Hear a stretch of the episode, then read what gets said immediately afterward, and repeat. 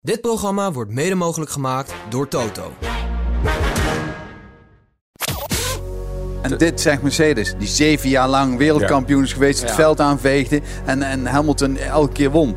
Nou, dat, dat is werkelijk wat eh, Vind ik Ronald zegt. Vind ik ook grappig. Ja. Hallo iedereen, eh, Max Verstappen hier, wereldkampioen Formule 1 en je luistert naar Grand Prix Radio. Teambaas van Mercedes, Toto Wolff, stuurde Max Verstappen in 2014 weg. F1-baas Stefano Domenicali zit in een spagaat en gaat Daniel Ricciardo wellicht naar het team van Haas. Welkom bij aflevering 15, jaargang 5 van Nederlands grootste met een gouden radioring bekroonde Formule 1 podcast vanuit de Harbor Club in Vinkenveen.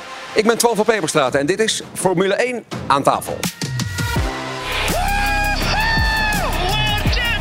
Een enorme vuurzee in de pit. Verstappen. I'm hanging here like a cow. Get me out of this fire. This has been incredible. Points on debut. There's something loose between my legs. Simply lovely, mate. Yo hey, yo ho. I guess Verstappen won. Dit is de grootste Formule 1 podcast. Formule 1 aan tafel. En zoals iedere week drie gasten. Michel Blekemolen is vandaag te gast. Voormalig Formule 1 coureur eind jaren 70. Daarna jarenlang team Blekemolen.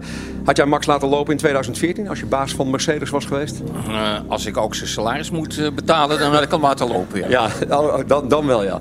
Ronald Marlendijk is erbij. Nou ja, muziekdeskundige. Solvation, jarenlang. Hè? En eh, tegenwoordig groot Formule 1 liefhebber. Ehm, is eh Frederik Vasseur op de goede weg, vind jij? Want we merken er nog niet heel veel van. Jawel, merk je wel wat van. Hij is op de goede weg. Oh, dat moet je zo meteen nog maar eens uitgebreid gaan uitleggen.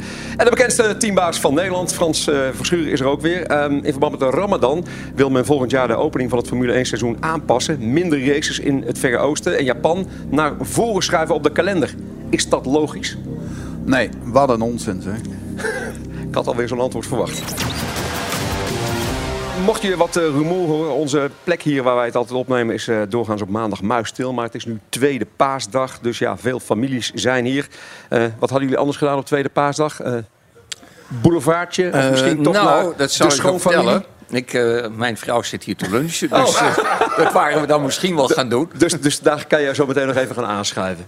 Hey, en jongens, en ben een beetje lief voor mij, hè, want het, is mijn eerste. Dus eh, Is dit je ontmaagding? Dit, dit, is- ja, ik ben nog een klein feutje, dus wat dat betreft. Toch? Leuk. Goed, laten we eens beginnen met eh, Toto Wolff. Want die heeft aangegeven dat ze in 2014 in eh, gesprek waren met Max Verstappen. Eh, maar hij adviseerde hem om voor Red Bull te kiezen.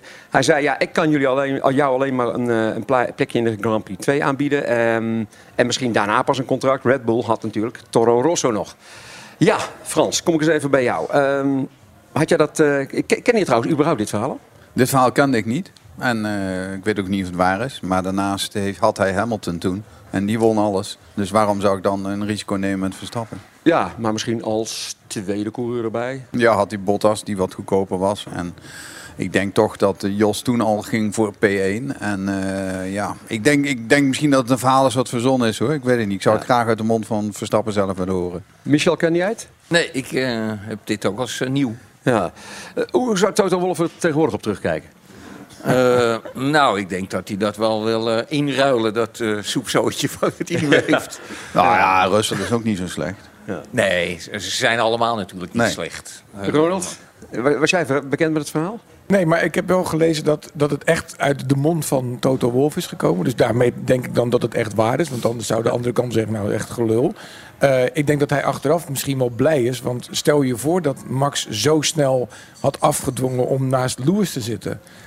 Ja. Ik denk dat we dan echt oorlog hadden gehad. Ook echt in de garage oorlog. Nu heb je op de baan oorlog, maar dan had je het echt gewoon in je team gehad. Maar als het echt uit de mond van Toto Wolff komt, wat wil hij ermee bereiken? Ja, don't ask me. Ik heb sowieso altijd hele grote vraagtekens bij wat die man wil bereiken. Ja. Met, met al die... Ja, ik vind hem na de nederlaag die hij had in, eh, met, tegen de laatste race zeg maar, in Bahrein of in eh, eh, Abu Dhabi, vond, vind ik hem toch alleen maar een wartaal uitstaan. Dus in dat opzicht vind ik dat hij er echt verkeerd bezig is. Dit, dit past wel weer een beetje in dat rijtje van wartaal. Ja, Ja. vind ik wel, ja. Stel, stel nou, stel nou eens dat, hè. Het het is een beetje hardop, eh nou ja, filosoferen. Stel dat hij had gekozen voor Mercedes. Max. Max, Ja. waar had hij dan nu gestaan? Hetzelfde niveau. Ja? Ik zeg altijd, als je Max nu in de Ferrari had laten rijden dit jaar... dan was hij buiten dat het misschien de betrouwbaarheid iets minder was... maar dan was hij denk ik bijna net zo snel geweest. Deel je dat, Ronald? Ja, dat denk ik wel. Ik denk Ja. ook wel dat, dat team Verstappen, maar dat kan je nog denk ik best Ja. aan Frans vragen. Die heeft er echt eh, intensief mee gewerkt. Maar die zijn volgens mij ook wel in staat om achter de schermen eh, de organisatie naar de hand te zetten. Ja. Had misschien alleen iets langer moeten wachten op zijn kans achter Hamilton. Dat denk ik niet. Ik denk Ja, dat- ik denk, ik denk wat hij nu gedaan heeft, dat het heel goed is. De hele, hele lijn eh, Toro Rosso en dan al heel snel door naar Red Bull. Ja, ik denk dat dat eh, precies in het straatje valt. En dan heeft tot 2028 een contract. Kijk, eh, bij Red Bull heeft hij meer te melden als bij Mercedes. Het blijft natuurlijk een Duits merk. Is nu niet zo heel makkelijk. Goed. Dan naar eh, de kalender van de Formule 1, want die wordt steeds vaker uitgebreid met nieuwe circuits. Volgens eh, Formule 1-baas Stefano Domenicali is het de droom om de komende jaren tot 24 races te komen in één seizoen. Volgens hem kloppen de promotors eh, massaal op de deur, maar moet de kwaliteit wel behouden blijven. Hij wil zelfs meer, plus een aanpassing aan het begin van het seizoen 2024 eh, in verband met de Ramadan. En ja, Japan er dan tussen zetten.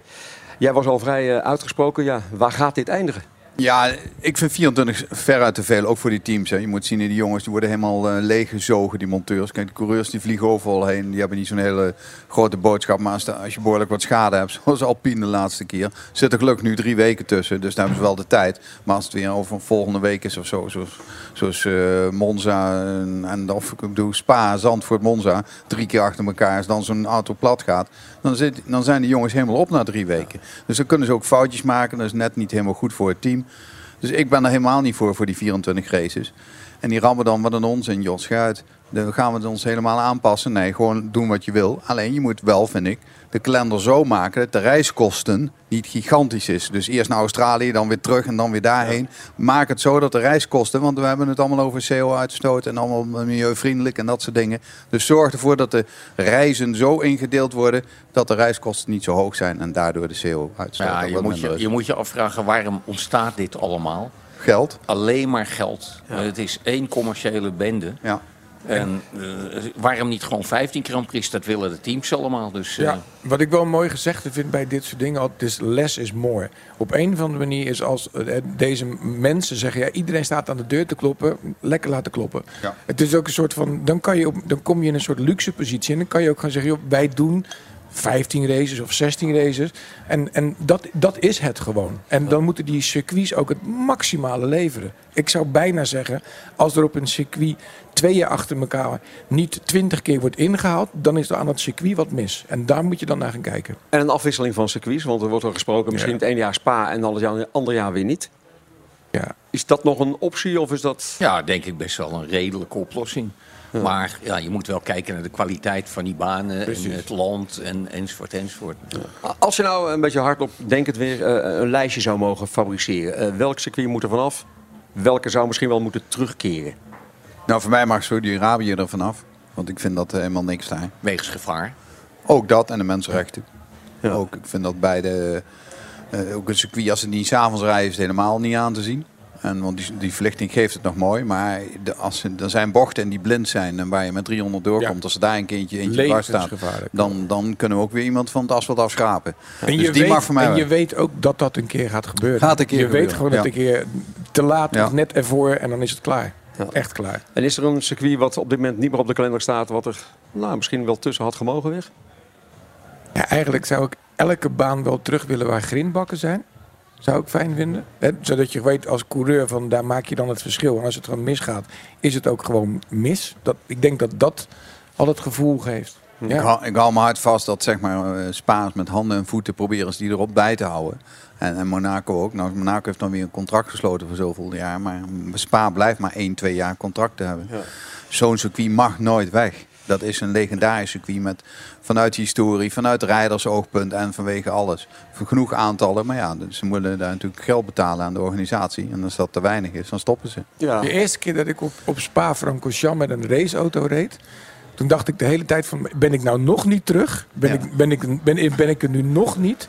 En dat gevoel lijkt me in, zeker in zo'n Formule 1-auto buitenaard. Als je een coureur zo hoort praten, dat je denkt, dat is echt... dan denk ik, dat circuit moet dan Ja, gewoon en het blijven. verleden Dat heeft, is het eigenlijk. heeft ook bewezen dat je daar kan inhalen. Kijk, dan Ja. krijg je allerlei acties van 14 naar 1 en dat soort dingen. Maar dat kunnen anderen natuurlijk ook. Dus dat, is het, dat is het mooie van Spa, dat het wel een racecircuit is. Ja.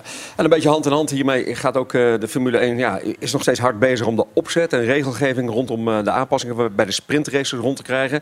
Het zou voor de eerste sprintrace over twee weken in Baku al het geval moeten zijn. Het idee is nu om de sprintrace volledig los te koppelen van de race op zondag. Dus de kwalificatie op vrijdag bepaalt dan de startopstelling voor de zondag.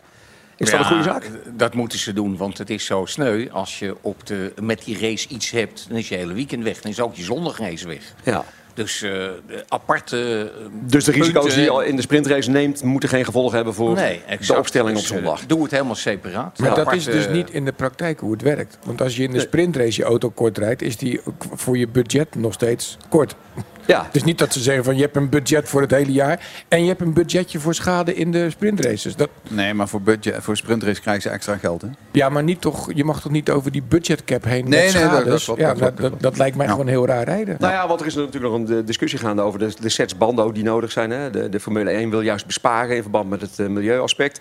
Eh, de teambaas van, eh, van Red Bull, eh, Helmoet eh, Marco, die is juist vooral voorstander van een extra kwalificatie. Omdat coureurs dan op zaterdag meer risico's zouden nemen. Dus het geldaspect ten opzichte van het milieu, het, het zijn allemaal zaken die in het achterhoofd meespelen. Ja, maar dat blijft tussen teambazen en organisatie altijd. Dus in elke klasse, waar Michel en ik allebei in deelnemen, altijd zitten wij tegen de organisatie. Dat moet anders. En altijd naar ons eigen voordeel natuurlijk. Ja. Maar gaan we dat allemaal nog redden voor eind april? Jawel. Ja, dat kunnen ze gewoon zo vanuit de Als ze het ermee eens zijn, dat is een tweede. Maar als de teams er blij mee zijn, dat is een tweede. Maar dat is, dat is gewoon een mededeling. Ja, en, en, en jullie als, als fans, jullie eh, zouden het wel voor je zien, eh, meer sprintraces en inderdaad dan wel los van de kwalificatie die op vrijdag plaatsvindt. Ik, ik ga eerder naar een sprintrace krijgen dan naar een derde ver in de training. Ja. Ja, ik denk ook sprintrace is voor mij wel leuker. Ja, Want, voor eh, mij niet juist. Ik, ik ben juist heel erg. Ik, maar goed, dat is ook hoe, waar ik vandaan kom. Maar ik vind juist dat traditionele, en daar ga ik echt wel mee in- hoe Max Verstappen daar naar kijkt. Zo van rommel er gewoon niet zoveel aan. Maar de kijkers enzovoort. Maar ik snap wel het gevoel wat, een, wat Max verwoordt. Zegt van ja, ik laat me gewoon op voor die race. En dan, dan ga ik anderhalf of twee uur lang tot de max. En ja, dat, Jij, kijkt, jij kijkt wel een, vrij- een derde vrije training? Nee, nee, nee, het gaat niet over, Oh. het gaat niet over kijken. Het gaat gewoon puur over het format. Dat je gewoon, ik snap wel wat Max bedoelt. Van, het is dan die echte race. En, en dan die sprintrace daarvoor. Ik weet niet, is het ook in andere klassen? Dus ik vraag het even Ja, aan. Nou ja, ik, ik Elke race klas. bijna overal twee of drie Ja, keer. precies, Eh, ja. Eh, ja. Ja, wij Met sprintraces ook dan? Ja. Ja, oké. ja. Goed. Ja, ik zit een beetje te, te, denken inderdaad van die, van die, van die sprintraces. Ja, van, gaat inderdaad de, we zijn nu allemaal zo gefocust natuurlijk op de zondag, op de grote race. Ja. Wat gaat dat doen met die focus als we op eh, zaterdag ook al punten gaan verdelen? Voor een coureur maakt dat niks uit. Nee? Nee, die willen gewoon allebei, allebei punten pakken, allebei winnen. Dus die gaan gewoon vol. Maar Het voor de is, monteurs is het wat anders. En je zit natuurlijk een beetje van, zoals Mercedes, die rijdt op maximum met de motoren. Van doen we die sprintrace misschien eh, op 99% en die lange race, omdat daar meer, niet meer punten te halen zijn, rijden we die op 100. En Weer toch- een motorplof, Eh, dat wordt hem niet. In de MotoGP hebben ze nu ook het sprintraces Ja. helemaal omarmd. Dat is bij elke race. En daar zeggen de coureurs nu toch al van... Ja, ik strijd voor het kampioenschap. Dus in die sprintrace ga ik niet helemaal maximaal. Nee, daar, maar- daar pakken ze dan... De, dan zijn ze ook blij met de derde plek. Dat ze denken, nou ja, dat, dat trekt lekker mee. Maar die echte race is op zondag. Maar ik zat met Wilco Zelenberg in een racecafé afgelopen vrijdag. Die was niet zo heel blij met die sprintrace. Want die begrijpt ook, daar is de rijder eerder geblesseerd. Ja. Kijk, als ik morgen een auto er midden rijd, dan is die volgende dag meestal altijd wel klaar. Maar zo'n zo'n zo'n motorrijder, als die er dan afkukelt, Ja. ja. dan breekt hij weer een duim, dan weer een enkel, dan weer een pols.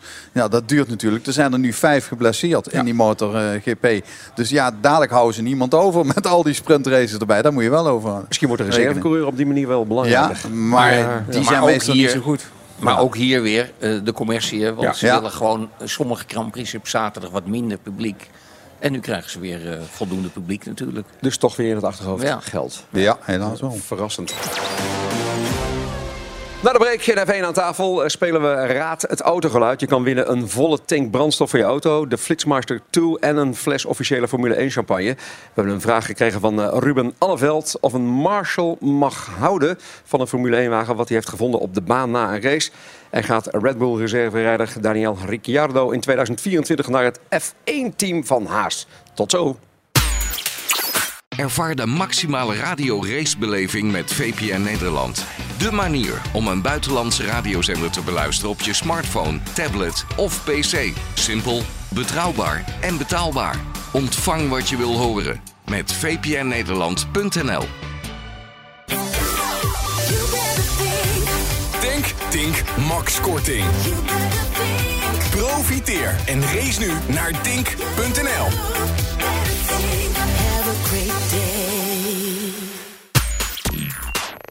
Welkom bij de grootste Formule 1 podcast van Nederland. Dit is Formule 1 aan tafel en er is een vraag binnengekomen van een luisteraar, Ruben Alleveld, via het mailadres f1 aan tafel. De vraag als een auto een stuk carbon verliest, zoals een wing and plate of iets anders van een auto, ehm, ja, en het wordt door een marshal van de baan gehaald, wat moet hij er dan mee doen? Houden of moet hij het teruggeven aan het team? Ja, Dat zou ik aan de teambazen vragen.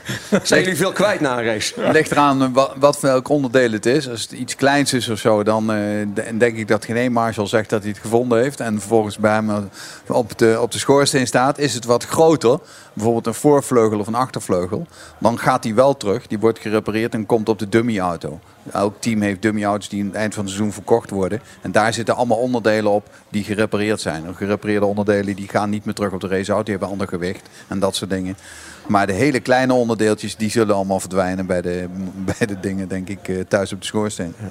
Michel, veel kwijt geweest? Eh, ja, af en toe wel vleugels. Ik rijd met de NASCAR en daar, eh, daar is een soort Tupperware-auto eh, eh, gaande. En daar valt van alles af. Dus we willen graag altijd alles terug, ja. Ik ben bij, bij Micha wel eens in de garage geweest en dat hangt helemaal vol met gevonden onderdelen, kan ik je melden. Van, van, van andere auto's weer, van andere teams.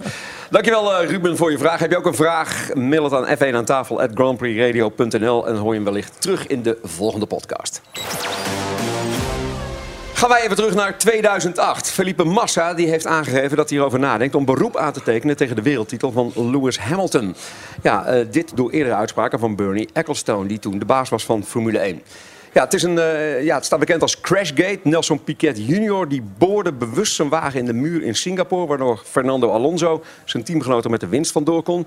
Nou ja, Ecclestone en ook eh, FIA-president Max eh, Mosley... die waren destijds al op de hoogte van het valspelen. En daar zegt hij nu het volgende over. We hadden toen genoeg informatie om de zaak te onderzoeken.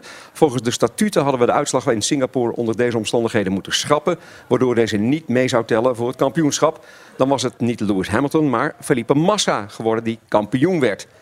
Hoe hebben jullie naar dit verhaal gekeken van vorige week? Nou, ik zou zo geen kampioen meer willen worden. En het is zo lang geleden, dus ik eh wou de zand over gooien. Wat een onzin. Ik vind het werkelijk waar.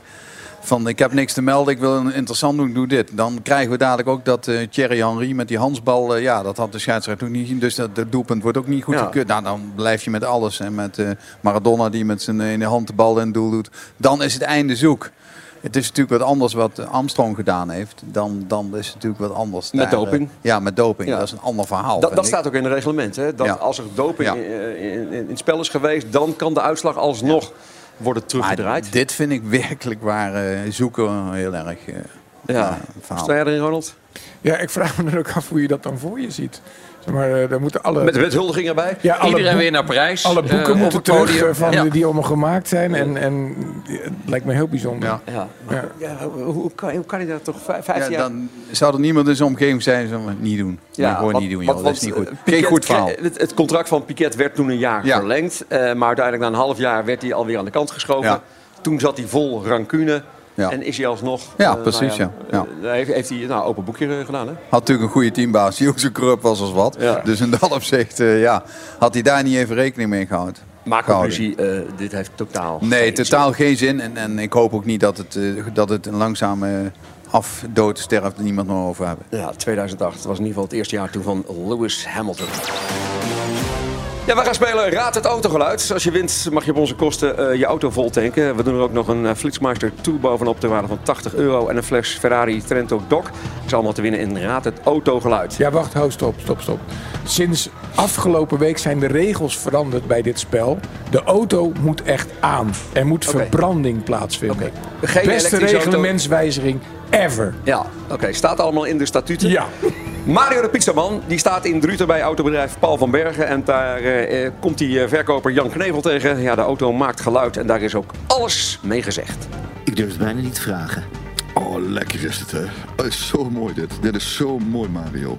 Maar denk je dat ik... eh, Ja, zeker. Dat kunnen we regelen voor jou.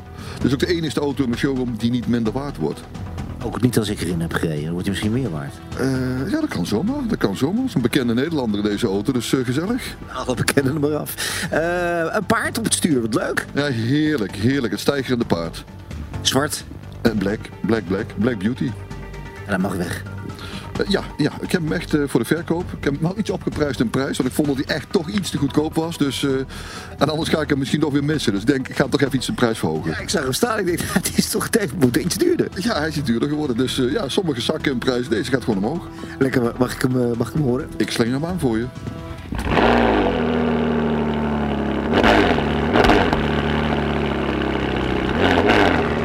Nou woon ik in Laren. Oh, heerlijk toch, hè? Ga ik over het kruispunt rijden. Dat zijn allemaal van die jongens met van die foto eh, toestellen. Heerlijk. Dit blijft gewoon zo lekker. Dat verveelt nooit.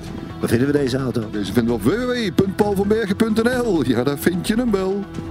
Van welke auto was dit geluid? Als je het weet, mail het naar eh, f1 aan tafel grandprixradio.nl. De winnaar van vorige week is Michiel Udo. En het geluid was dat van een Porsche Cayenne 3.0 e-hybrid sport. Veel rijplezier. En je mag de tank eh, van je auto helemaal volgooien bij Tink. Je krijgt ook nog een Flitsmeister 2 ter waarde van 80 euro. Die voorkomt dat je te hard rijdt. En proost, want eh, je wint ook nog een officiële Ferrari Formule 1 Trento Doc. Zoals de rijders op het podium ook krijgen. Ja, dan gaan we naar George Russell. De Mercedes-coureur denkt dat Red Bull, ondanks de dominantie, nog niet het achterste van de tong heeft laten zien. Vanwege angst voor een ingreep van de FIA. Hij denkt dat het team dit doet om te voorkomen dat de FIA de regels gaat aanpassen om Red Bull af te remmen. Ik weet 100% zeker dat hij dat niet denkt. Maar Oh, zijn team heeft hij- en zijn teambaas, die denkt dat wel. Ja, die- En die communiceert via deze manier deze boodschap naar de buitenwereld. Ja. Maar hebben zij eh, op dit moment recht van spreken? Nou, ik denk dat het eh, frustrerend is als er een team zo dominant in, in de weer is. Dat is eh, zelfs voor ons als fans. Ja. Is het eh, raar dat Max maar elke keer op, eh, ja, met twee vingers in zijn neus daar een race gaat winnen. Dus ja, wat moet je doen? Zak aardappel in die auto gooien om zwaarder te maken? Of, eh, Ja. ja, dat wordt in andere klassen zeker wel gedaan. Hè? We hebben overal de balance of perform- eh, perf- Performance. performance. kwam er even niet uit. De Bob, kortweg. Dus ja. ja, dat kun je bijna niet gaan toestaan. Want dan word je gestraft voor je goede auto neerzetten. En dit zegt Mercedes, die zeven jaar lang wereldkampioen is geweest, het Ja. veld aanveegde en, en Hamilton elke keer won. Nou, dat, dat is werkelijk wat eh, Vind ik ook Ronald grappig. zegt. Vind Komt ik van, ook eh, grappig. ja, Ja. dat kunnen hun niet zeggen, joh. Die hebben zelf zoveel eh gehad. Het Nee. is toch ook bijna ondenkbaar dat teams minder snel gaan omdat Nee, ze bang klopt. zijn voor sancties. Nee, nee, dat is wel. Maar wat ze wel doen, zeg maar, ze rijden met een motor op 99%, terwijl Mercedes 101 rijdt. Om Ah, ja. erbij te blijven. Hun denken, oh, wacht even, betrouwbaarheid is belangrijk. En We, we redden het ook met wegligging en andere dingen. Dus zet die motor niet max, maar zet hem op 99. Het heeft ook een En ander voordeel. Als je zo'n auto hebt, dat betekent dat zeker Max, die natuurlijk echt een soort Ja. bandenfluister is, die op een gegeven moment gewoon denkt, nou, chill, ik heb 10 seconden, ik ga gewoon wat rustiger rijden. Maar eh, daarnaast blijf ik er gewoon bij dat juist Mercedes, en, en dan kom ik toch bij de mensen achter Mercedes, die zouden gewoon harder moeten gaan werken. Zo simpel is het eigenlijk. Wat, wat gebeurt er eigenlijk nu in deze drie weken? Want we hebben natuurlijk een ongekende break zo midden in het seizoen. Die... Toto Wolf staat gewoon drie weken lang in de Mercedes-fabriek mensen uit te kafferen. Dat is wat hij aan het doen is. Nou, bij Alpine zijn ze de onderdelen weer bij elkaar aan het lijmen. Want die hadden er twee plat. Dus die hebben, zat, eh, die hebben zat te doen aan eh, herstel. En alle updates die worden dan zeg maar, verder uitgevoerd. Die in de eerste drie races uitgetest zijn en gebleken goed te zijn. En die komen dan ook in reserveonderdelen en voor twee auto's. Ja. En die, die suprematie op dit moment van, eh, van Red Bull, moeten zij inderdaad nou ja, de rekening mee houden, alles ligt onder een vergrootglas? Nee, die, die zijn gewoon verder. Die gaan gewoon doorontwikkelen. Ja. Al rijden ze 20 seconden weg, maakt hun geen bal uit. Nee, die blijven gewoon altijd doorontwikkelen. En dan proberen ze natuurlijk ook het een en ander eh, te sparen qua budgets. Hè? Want ze zitten met die budgetcap waar ze vorig jaar overheen zijn gegaan. Dus dat ze dit jaar daar wel degelijk in blijven. En al reserves voor 2024 maken. Ja, toen werd er natuurlijk al ontzettend gezocht hè, bij Red Bull. En, Ja, ja, ja. ja, goed. Maar het is toch. Kijk, voor mij als Formule 1-fan is dit juist ook van een van de allerleukste dingen die er is. Dat een team dat boekje wat je aan het begin van het jaar krijgt, wat je mag en niet mag, zo goed gelezen heeft dat zij dit maken. Ik vind dat echt fantastisch. Echt fantastisch. Vind ik dat boekje in andere reglementen te dik worden. Dat Ja, je niet dat is- meer nee, eh, dat is echt op de hekken mag hangen. En al die juwelen, daar, daar slaan ze compleet de plank Ja. mis. En hoe ze een, de ene keer wel iemand bestraffen met inhalen met Ja. een foutje, de andere keer Ja. niet. Het gaat ook helemaal nergens over. Maar qua reglementswijziging hebben ze het best goed gedaan. Ja, ja, Want tuurlijk. Dat hele middenveld Ja. zit allemaal... Als je tien jaar terugkijkt naar Paul en de laatste auto... nou, dan zaten daar vijf, zes seconden tussen. En ja, nu is het allemaal heel close. Dus eh, dat is wel een, een waardering waard voor het reglementsverandering. Check. Even één aan tafel vanuit de Harbor Club in eh, Vinkenveen, waar het eh, tweede paasdag is. Een eh, behoorlijke drukte, ook zangeressen duiken hier op. Eh, we zitten Ja, hier, aan Bunty heet zij. Ja, met Ronald Molendijk, Michel Beukenmolen en met Frans Verschuur. We gaan het eens hebben over Gunther Steiner, de, de teambaas van, van Haas. Want die heeft laten doorschemeren dat Red Bull reserverijder Daniel, Daniel Ricciardo best wel eens een optie zou kunnen zijn voor Haas in 2024. Steiner wil graag het gesprek met hem aangaan. Zien wij inderdaad Ricciardo terugkeren in Ik, 2024? ik denk dat hij wel weer achter het stuur zit, ja. Ja? Ik kan me niet voorstellen dat hij nog lang eh, aan de zijkant... Het was gewoon een goede rijder. Het, het, was- ja, het was zeker Hij was er over de top. Ik vond hem over de top. Hij was gewoon naar beneden aan het gaan. En eigenlijk Ja. na Red Bull heeft hij bij Renault gezeten. Daar kreeg hij het niet voor elkaar. Met McLaren kreeg hij het niet voor elkaar. Waarom zou Haas, en dan Haas helemaal, een Amerikaans team... die zou ik eerder een Amerikaanse rijder zien. Eh, Een Colin Hurta of een van die jongens zou ik eerder bij hem in een team zien. Want dat is natuurlijk allemaal commercials. En eh, ja, dan zou ik een Amerikaan erin zien en niet eh, Ricciardo. Gaat hij, of kan hij het verschil nog maken? Nee. Nee, en sterker nog, ik denk dat juist bij Haas, waar nu ook gewoon eh, rijders in de, in de auto zitten die gewoon snappen hoe je een auto kan afstellen en ontwikkelen. Ik denk dat je daarop zou moeten inzetten. Als je zeg maar, wat verder naar achter rijdt, is wat je nodig hebt, is feedback. Dat zeggen ze nu bij, bij eh, eh, moet dat Aston Martin zeggen voor jou? Aston hè? Martin. Precies, dat zeg ik. Dat, die, die danken nu met terugwerkende ook Vettel. Dat hoor je nu ook naar buiten komen. Dat ze gaan zeggen, nou ja, we moeten toch even credits geven Vettel. Want die zei, gaat die kant op, gaat die kant op, gaat die kant op. Dus ja. En, en Ricciardo kan niet afstellen. hè? Ja. Die heeft niet de gave om eh, een auto te ontwikkelen. Was je ook niet verbaasd dat hij geen plekje had dit seizoen? Nee, ik, eigenlijk dat hij wegging bij eh, McLaren was voor mij eigenlijk normaal. Dat we- hij kwam bij Norris niet meer in de buurt. Ja. Nou, en nu zie je Piastri die Norris toch wel uitdaagt. En ik zie ook zeg maar, dat eh, bij Haas ook meneer Magnussen wakker geworden is. Want Hulkenberg die komt er na een jaartje in en die staat zomaar eh, in drie trainingen voor hem. Ja. Dus ho, wacht even. Dus die Magnussen zal echt gas moeten geven. Want als er een uitgaat, dan is dadelijk waar iedereen dacht van nou dat Hulkenberg komt voor één jaartje. Nee, het is dadelijk Magnussen die eruit gaat. Want hoe oh, groot acht jij de kans dat Hulkenberg en Magnussen volgend jaar allebei nog voor Haas rijden? Eh 2% Oké. Ik denk dat één van de twee eruit gaat en dat daar een Amerikaan in komt. Pu- puur om- ja, vanwege Puur de- Amerikaans team. Ja, ja. Hoe kijk jij eraan? Tegenaan? Nou, dat, Hulkenberg, dat denk ik Magnussen? eh, dat Frans wel eh, gelijk heeft. En ja, Hulkenberg die verrast natuurlijk een beetje. Ja. Eh, ik denk ons allemaal. De, ineens staat die man eh, zeven op de krit. En, eh, Ongelooflijk. Dus eh, ja, goed. Die verdient het. Ja, want eh, eigenlijk bij, bij Alpine, daar waar, gaven ze ook al aan. We zijn in, in gesprek geweest met Ricciardo. Toen kozen zij voor, voor Gasly. Ja. Dat was dus op zich wel een vrij logische keuze. Ja, maar ook wel Frans team, Franse rijders. Ik denk dat dat ook gewoon heel erg meespeelt. Op een gegeven moment is ook een heel mooi plaatje om sponsoren naar binnen te trekken. En Ja. gewoon aan te geven, joh, wij, wij, en ik vind het ook leuk. Een, een Frans team, doe, het is anders dan Frans zijn team. Maar Ja. Maar, maar dat het nog steeds zo mee blijft spelen. Dus die achtergrond bij Haas, bij Alpine. Ja, maar het is commercie. Wat denk je, de Ja. grote, als, als er een Amerikaanse rijder in zit en er stapt een grote eh, Amerikaanse sponsor, zoals Monster, dat is ook een heel grote eh, drankjesmerk. McDonald's? Of een, een McDonald's, een Ja. stap, Coca-Cola, dat zijn jongens die groot zijn. En dan met een, een boegbeeld uit Amerika. Ja. Ja. ik denk dat dat wel heel belangrijk is. Dan gaan we eens naar eh, Frederik Vasseur. Want eh, Ferrari teambaas ziet ondanks het eh, feit dat zijn team geen enkel punt pakt in Australië. En maar met één wagen aan de streep kwam, toch nog lichtpunten. Hij zegt dat zijn team een enorme stap heeft gezet qua race. Pace in Melbourne. In Bahrein en Jeddah kwam het team vooral qua snelheid tekort. Maar in Melbourne wierp de volledige focus op de snelheid van de Ferrari zijn vruchten af. Hoe hebben jullie deze ontwikkeling eh, aanschouwd bij Ferrari? Nou kijk, ten, eerste wil ik toch nog een keer hardop gezegd hebben. Er, worden kampioenschappen pas beslist aan het eind van het seizoen. Eh, soms al ervoor, hè, dat is er heel ver voor liggen. Maar soms zijn ook de laatste races ook heel belangrijk. En zo'n eh, nieuwe teambaas, dat kan je zeker aan de man aan de overkant vragen.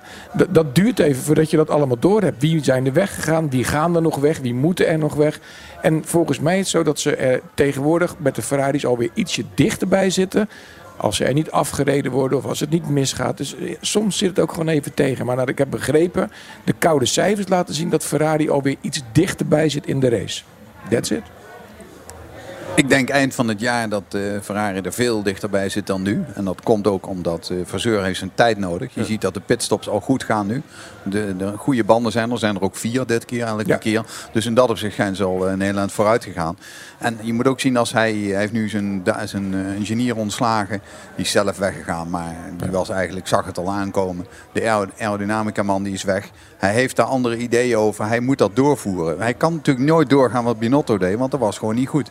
Dus hij is daar bezig dat team te reorganiseren. En als je morgen iemand weghaalt ergens anders, die van een ander team komt, mag die niet zomaar beginnen. Hij moet dan minimaal een jaar niet bij een ander team werken. Tuurlijk zit hij thuis ook lekker met zijn computertje te, te kloten en dat soort dingen. En daarom zag je ook bij Aston Martin uh, vorig jaar, die had iemand van Red Bull weggehaald. En die daar zie je nu de invloed van hem. Want dat was de rechterhand van Adrian Newey. Ja, die zie je nu dat hij gewoon een Red Bull kopieert, nou, zeggen ze dan. Maar hij denkt ook hetzelfde als Newey, want hij heeft jaren met die man gewerkt. Dus dat is eigenlijk wel goed.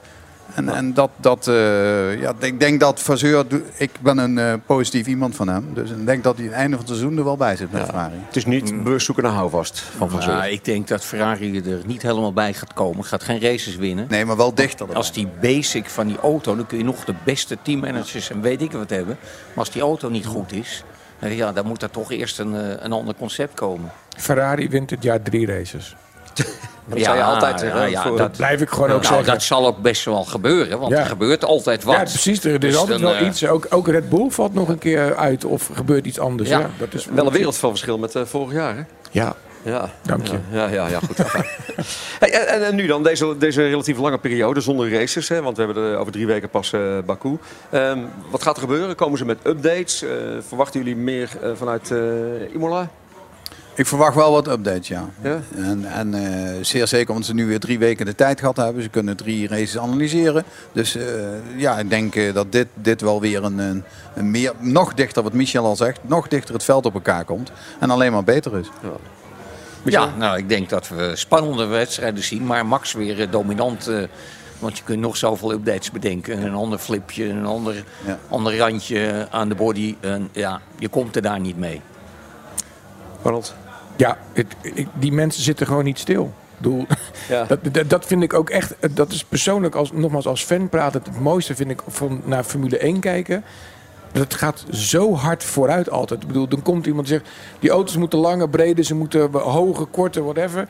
En dan zeggen die gasten, nou prima, dan gaan wij eens even erover nadenken... wat jij bedacht hebt. Ah, dat werkt niet, want we gaan lekker harder. Ja. Dat vind ik echt fantastisch. Ja, ze willen altijd reglementen. Ja, om het beetje, af te remmen. en, je, en gaat sneller. Harder. Je ziet wat alles dichter bij elkaar komt. En ik hoop dat Alfa Tauri ook uh, een paar goede updates heeft. Want anders wordt het toch heel moeilijk voor onze Nederlandse vriend.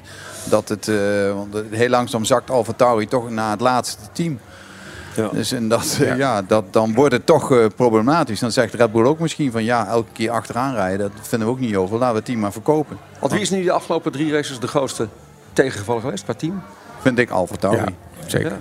Toch wel, ondanks eigenlijk dat je misschien de verwachting ook niet iedere idioot hoog had ingezet. Ja, nee, maar het is wel het, het, is het zusterteam van. Ja. Kijk, als ik het zusterteam was van, uh, van, van, van Red Bull, dan ging ik naar Red Bull toe en dan ging ik zitten en zeg: hé, hey, luister eens, geef mij eens een engineer van jou, geef mij eens even wat data van jou, geef mij eens even wat. En dan kun je in, zeker omdat Alfa Tauri de meeste uh, windtunneltijd heeft, ja. dan zal ik zeggen: ik doe voor jou wat windtunneltijd en dan doen we samen een vleugeltje ontwikkelen. Of dat soort dingen. Dat is natuurlijk altijd mogelijk. Dat mag natuurlijk niet, theoretisch. Hè? Oh. Ze mogen elkaar niet. Zo, echt waar? Ja, nou, zeg. maar, nee, maar ja, dat is toch logisch? Ja, maar daarnaast ligt het toch ook gewoon vast hoeveel je mag inkopen van een ander team. Zoals ja, Haas bij. Ja, ja. Ik, ik, dat snap ik al gewoon niet van Alfa Ik zou gewoon beginnen met van wat mag ik? Dat is het. Daar laat, we mee. laat het allemaal vrij. Want waar is dit voor? In, in, in, Vroeger kon je gewoon een McLaren kopen en deed je als zusterteam ook mee. Ja.